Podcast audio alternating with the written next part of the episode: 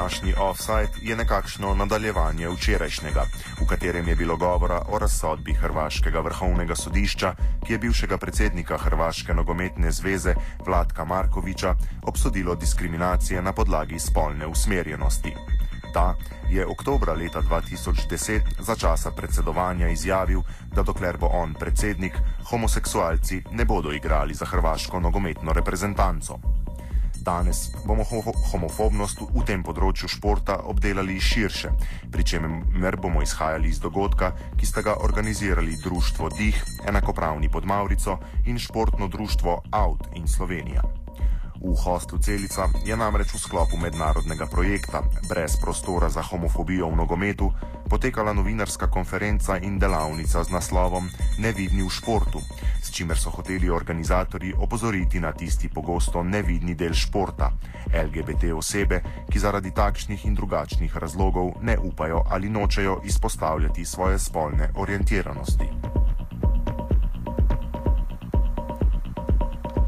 Omenjeni društvi sta predstavila evropske pobude, ki so se skozi zgodovino od 70-ih let naprej zauzemale, da so športniki lahko lažje izpovedovali svojo spolno usmerjenost.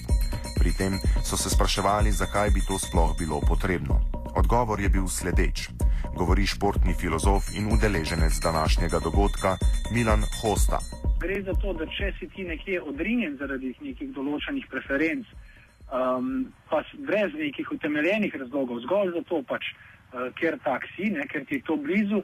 Uh, moramo govoriti o diskriminaciji. Diskriminacija uh, je pa z zakonom kaznivo dejanje, torej izločanje iz nekih uh, družbenih tokov na podlagi predsotkov uh, ni spremljivo. In to je tudi prav. Zato v bistvu je potrebno spregovoriti in zato rabimo tudi športnike, uh, ki o tem spregovorijo. Uh, dejstvo je, da v Sloveniji jih je zelo malo, olimpijski komitej je v bistvu prepoznal samo eno športnico, ki se je javno opredelila um, za homoseksualno v bistvu orientirano osebo, um, drugi pa ne. Um, zdaj se moramo vprašati, kaj to pomeni, ne? če uh, ali pač enostavno ne želijo, nimajo potrebe, ali pa če dejansko ne želijo, ker se jim zdi, da bi, če, če bi to povedali, bili deležni ustrahovanj, posmehovanja ali pa celo odrinjeni uh, ven iz te sredine, ki mi je sicer blizu. Ne? Um, kot negativne primere smo pogledali sosedno Hrvaško, kjer uh, so vidni predstavniki nogometnih klubov mirno v javnosti na novinarskih konferencah, uh, predsedniki no nogometnih klubov, kot je Mamič, naprimer, povedali, da to pa nikoli ne bi delal za klub ali pa ne bi dovolil, če, uh, da bi igral gej. Uh, tako da to so primeri, kako se te stvari reproducirajo skozi prakso. Javno izpostavljanje in opozarjanje glede ženskih in LGBT pravic v športu je v preteklosti že obrodilo sadove. Nadaljuje Hosta. V zgodovini pa je jasno, da tudi recimo uh, Olimpijski komitej kot uh, krovna športna organizacija, mednarodna, je bil na začetku zelo v bistvu uh, diskriminatorno orientirana organizacija. Uh, ni se spodobal, da bi se ženske udestovale na olimpijskih igrah na začetku, potem so to sprejeli potem ni bilo spodobno, da recimo bi organizirali gejovsko olimpijado uh, in so jim prepovedali uh, uporabo imena olimpijado oziroma gej olimpiks. Uh, na drugi strani so dovolili, da pač je obstajala recimo pasja olimpijada in tako naprej. Tako da um, je treba glas povedati nekatere stvari, jih obelodaniti, svetliti z različnih zornih kotov. Uh, tako da danes recimo na mednarodnem nivoju potekajo gejovske igre, tako normalno kot gasilske igre ali kaj podobnega, gejovska olimpijada, mm, LGBT, ne, torej ne samo geji, tudi še drugi lezbike, biseksualci, transseksualci. Eh, vsi lahko mirno vesti organizirajo svoje dogodke in jih kot, kot taki tudi opredelijo. Uh, in mislim, da je prav to, ker s tem v bistvu osveščamo javnost. Predsednik športnega društva Out in Slovenija, Andrej Pišel, je na kratko zarisal nekatere ključne momente v zgodovini LGBT gibanj v športu. Zdaj, zgodovina LGBT gibanja pa uh, nekako v športu je v bistvu kar pestra. Um, sicer se je zadeva začela v 70-ih letih v Združenih državah Amerike s prvo skupino za istospolno usmerjene uh, v bowlingu, je bila ta skupina. Potem se je nekako deset let kasneje ustanovila prvo združenje, ki je organiziralo tudi igre širšega um, spektra, uh, to so igre Gay Games, leta 1982 so bile prve. Recimo v Evropi se je leta 1989 ustanovila Evropska gejska in lezbična športna zveza, ki skrbi za nekako trenutno 100 klubov širom Evrope in športnike in športnice, ki so povezani v teh klubih.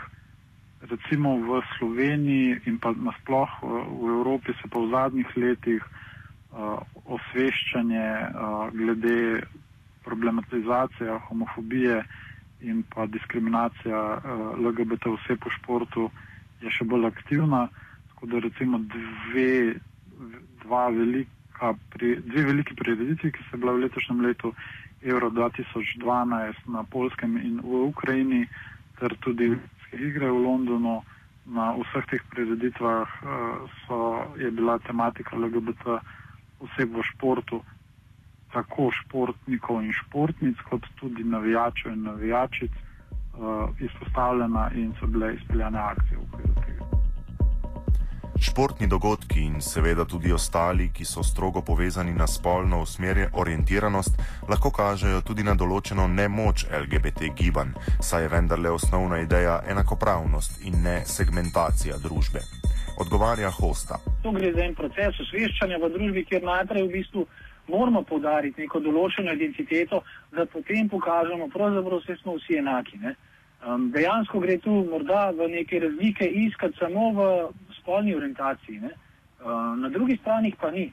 Uh, morda v nekem kontekstu, ne? se pravi, kaj je smisel človeka uh, ali pa sledenje nekim uh, vrednotam v, v človeškem smislu. Um, so mnogi od teh ljudi, uh, morda so bliže kot nekateri drugi, ki jih imamo za normalne, ki jih občudujemo in tako naprej, ki pa okoli sebe v bistvu. Um, brez problema izrekajo vse določene predsotke, delujejo agresivno, destruktivno in tako naprej. Uh, Tako da jaz se strinjam z vami. Ja, no, na nek način mislim, da je treba teči k temu, da dejansko ne bo več treba nekoč opozarjati na te razlike, ampak da bo uh, to sprejeto kot nekaj danega, kot v bistvu ta življenjska pestrost, kot je bilo rečeno. Sfera športa je seveda široka. Zajema tako na enem koncu igrivo gibanje otrok, kot na drugem profesionalni tekmovalni spektakel. Hosto smo tako vprašali, ali je integralni del te druge skrajnosti športa, da je mnogokrat šovinističen in homofoben. Tak šport, kot ga poznamo, ki je medijsko tudi najbolj izpostavljen, je v bistvu tekmovalni šport, spektakelski šport, uh, ki pa izvira, recimo, če se samo na 18-19 stoletje ozremo, iz priprave mladih fantov na vojsko, torej na vojskovanje. Torej gre za pripravo mladih teles, da bodo sposobni premagovati velike napore in osvobajati, osvajati, ne, ne samo osvobajati, ampak osvajati druga ozemlja, kolonializirati s svojimi idejami druga ozemlja, eh, ali pa sposobna braniti pač svoje ozemlje. Ne. In tukaj dejansko gre uh, razmišljati v tej smeri, kot je Brecht namignil, da je šport uh, v bistvu vojna brez orožja. In tam pač je prostor za isto hegemono moškost, kakršno danes priznavamo, ne, za to agresijo, moške lastnosti, moč um, in tako naprej. Hosta kot najbolj eksemplarično homofobno igro izpostavi najpopularnejši svetovni športni spektakel. Že sama nogometna igra kot taka je v bistvu homofobna. Kaj to pomeni? Gre za uh, in pa maskulina. Prav, gre za kar delo moških, ki osvajajo določen teren z ciljem, da penetrirajo na koncu, torej da dosežejo gol, hkrati pa ne, sme, ne pustijo uh, nasprotnika za svoj hrbet. Torej v, uh, prenesenem pomenu, ne pustijo, da bi ga dobili od zadaj. Um, in to je že vnešeno v pravila. Hmm. Prav, to, ta simbol ne, je že kar nekako sprejet skozi pravila v neko družbeno dinamiko, ki se potem prenese samo še na pač ostale družbene sektorje ne, in tako recimo funkcionirajo. Um, tako da uh, v tem smislu velja pogledati na šport kot eno trnjavo moškosti. Hosta pa opozarja še na nek drug del športa, ki ga naša še vedno zelo puritanska družba ne more integrirati v življenje. Zakaj pa se mi zdi, da je še to bolj v bistvu uh, to prisotno v športu? Um, recimo, spet pogledajmo nogomet.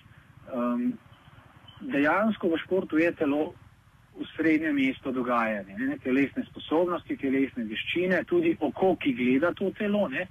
In uh, že samo iz staro-grške ali pa staro-rimske zgodovine, zgodovine vemo, da so bile uh, gimnazije, ne? torej tisti prostor, ki se je telovadlo, uh, tudi prostor erotičnega pogleda.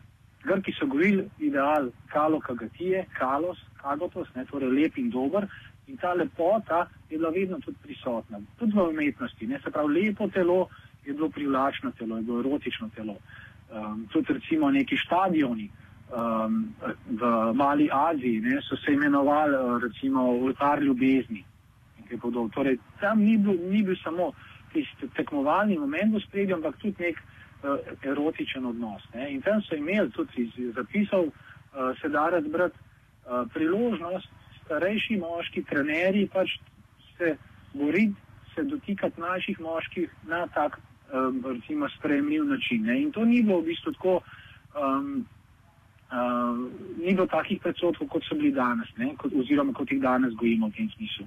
Tako da šport v tem smislu, jaz mislim, da ravno zaradi te svoje telesnosti uh, in tega, da smo v puritanski družbi odrinili to erotično oko, uh, v bistvu generira ravno nasprotje potem, uh, torej homofobijo. Uh, Um, moramo vedeti, da recimo na nogometnih spektaklih so v bistvu mirne vesti, ali pa na drugih športih, recimo, kjer nastopajo fanti, se mirne vesti, objemajo, poljubijo, na vse, na, v bistvu očeh vseh, ne, se potapkajo po ta zadnji in tako naprej, na pol goli pravzaprav se stiskajo. Um, Dobesedno orgije poteka na sveti grišča, uh, ampak to ne obsojamo, ne, ker je v takem kontekstu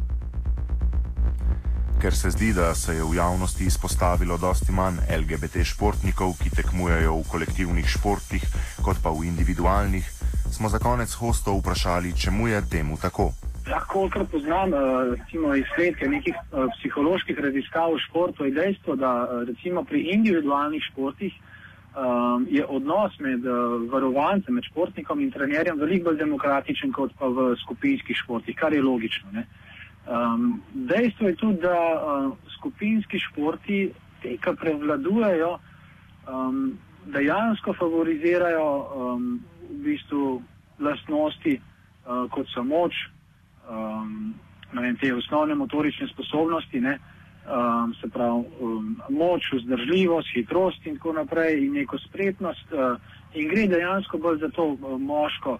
Eh, obliko energije, nekaj izražena. Zato tam najbrž res je težje v bistvu um, povedati morda um, ali pa izpovedati to svojo um, homoseksualno orientiranost, uh, ker se ti zdi, da boš predmet posmeha v tisti moški družbi.